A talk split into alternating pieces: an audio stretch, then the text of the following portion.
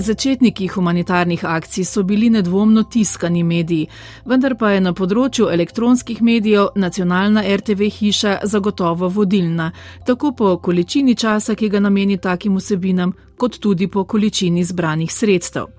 Natančna zgodovina žal ni zabeležena, zagotovo pa vemo, da sta ob posameznih naravnih in drugih nesrečah tako radio kot televizija pogosto z roko v roki pripravljala posamezne akcije, nekatere so prerasle v tradicijo. Med prvimi je leta 1986 ob 40. obletnici OZN v otroškem in mladinskem programu nastala prva prireditev, ki je bila namenjena podpori UNICEF-u in imela nekajletno tradicijo. Kmalo po osamosvojitvi so nastali prvi dobrodelni koncerti, ki so prerasli v stalnico.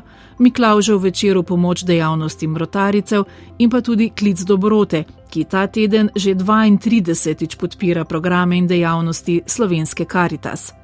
Tam so delovanje naše RTV hiše, tako pri klicu dobrote kot pri drugih humanitarnih akcijah, kjer jim je zaupan del izkupička, zelo cenijo, pravi generalni tajnik slovenske Karitas Petr Tomažič. Če govorimo o humanitarnosti, je, je zelo pomembno, da imamo neke vrste sistemsko, trajno humanitarnost. Nekdo, ki se znajde v stiski, ne more čakati na nekaj, kar bo čez tri mesece ali pa čez dve leti ali pa nikoli, ampak potrebujemo nek stalen sistem, neko stalno korekcijo teh državnih načinov pomoči. Nacionalna televizija je za karitas pomembna v tem, da lahko tam nekaj pričakujemo stalno. To se pravi, klic dobrote imamo vsako leto in tudi pričakujemo, da ga bomo imeli vnaprej. Potrudimo se za dobro vsebino, predvsem pa se potrudimo za svoje delo.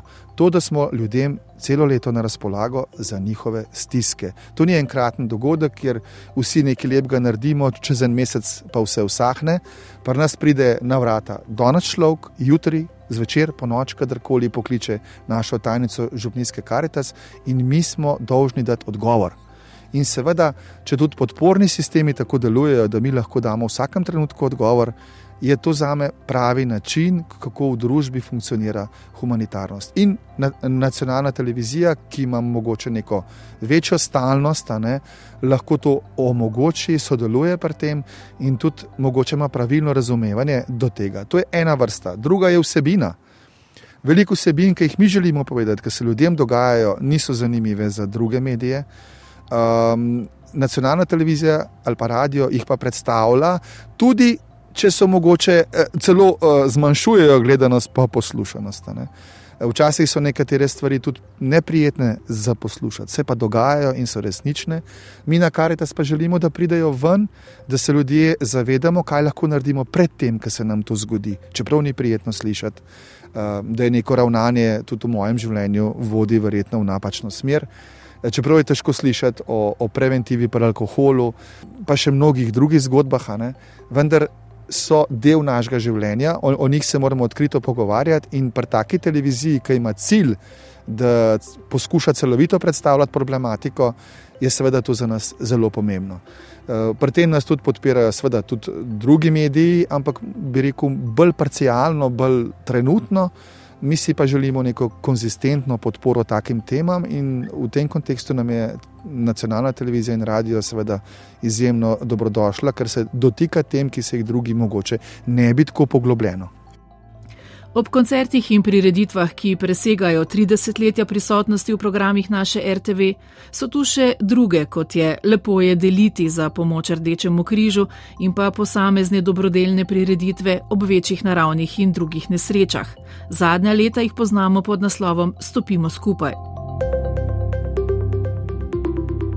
Na televiziji je bil dobrodelno obarvan tudi niz oddaj z Marijem Galuničem, v katerih so opozarjali na stiske otrok, najintenzivneje je takrat z njimi sodelovala dolgoletna prostovoljka Anita Ugulin.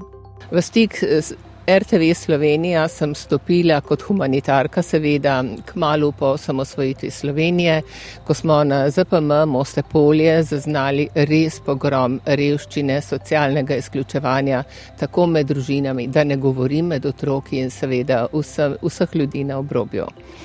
Skozi oddaje Zoom in Tednik smo zbrali več kot 3 milijone sredstev.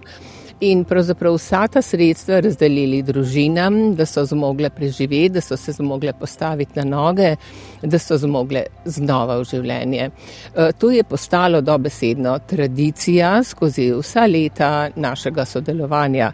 Moram povdariti, da smo samo skozi oddajo z Marijem več kot 450 krat nastopili s zgodbami družin, ki so nastajale zaradi napak politik.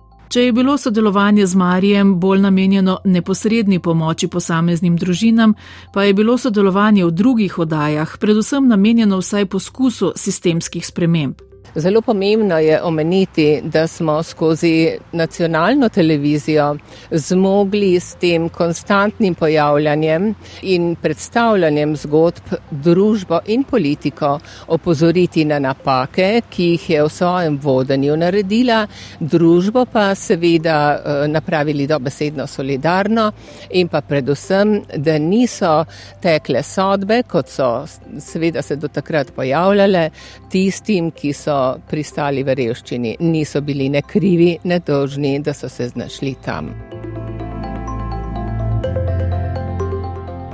Številne zgodbe družin in posameznikov so že nekaj desetletij med pogostimi vsebinami tudi v oddaji Tednik, urednica in voditeljica Jelena Aščič.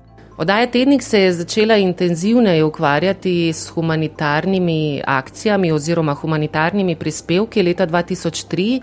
Sprva so to bili prispevki, eh, ko so v trgovinah, v vozičkih zbirali hrano za družine v stiski. Od leta 2007 pa smo so začeli zbirati tudi eh, finančno pomoč eh, za družine v stiski. Takrat se je tudi oblikovala rubrika Pomagajmo skupaj z Zvezo prijateljev mladine Slovenije. V tem času je oddaja Tednik pomagala več kot tisoč družinam, zbrala je več kot 3,5 milijone evrov. Leta 2018 pa smo začeli sodelovati tudi z Rdečim križem in pozneje z organizacijo Caritas.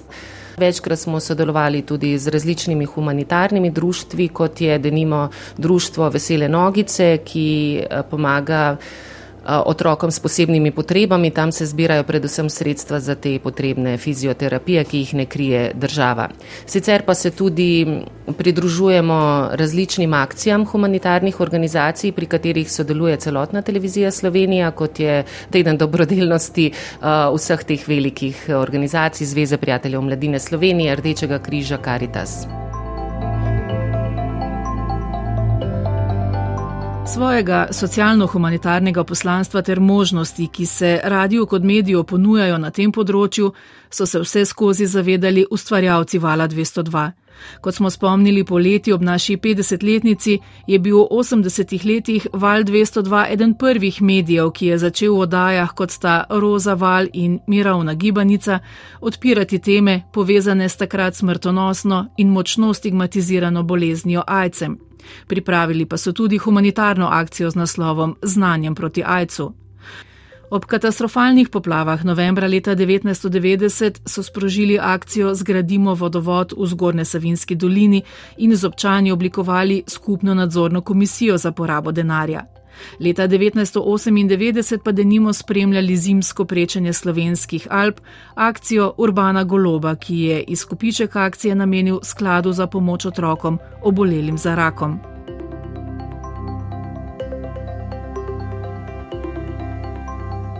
Konec 80-ih, ob začetku daje osebnost leta, ki jo po nekaj spremembah danes poznamo pod imenom ime leta, smo najprej s pomočjo večjih donatorjev pomagali le občasno. Z uvedbo SMS donacij oziroma glasovanja pa ste se podpori lahko pridružili tudi poslušalci. Donacije smo najprej namenjali več organizacijam, najbolj pa smo se ujeli z PM Ljubljana Mostepolje in med drugim podprli do takrat manj znani projekt Botrstvo. Takrat sekretarka in danes predsednica ZPM Ljubljana Mostepolje Anita Ogolin je ena najzaslužnejših, da je sodelovanje z valom 202 tako uspešno še dan danes. Največji preskok v ozaveščanju družbe in seveda politike pa je napravil program Botrstvo s podporo Vala 202. Predstavil je razsežnosti revščine, ki jo doživljajo otroci, ker so postali dobesedno naenkrat večrazredni, ki niso imeli dostopa do nadaljevanja izobraževanja, ki jim je bilo preprečeno, dobesedno preprečeno zdravo otroštvo.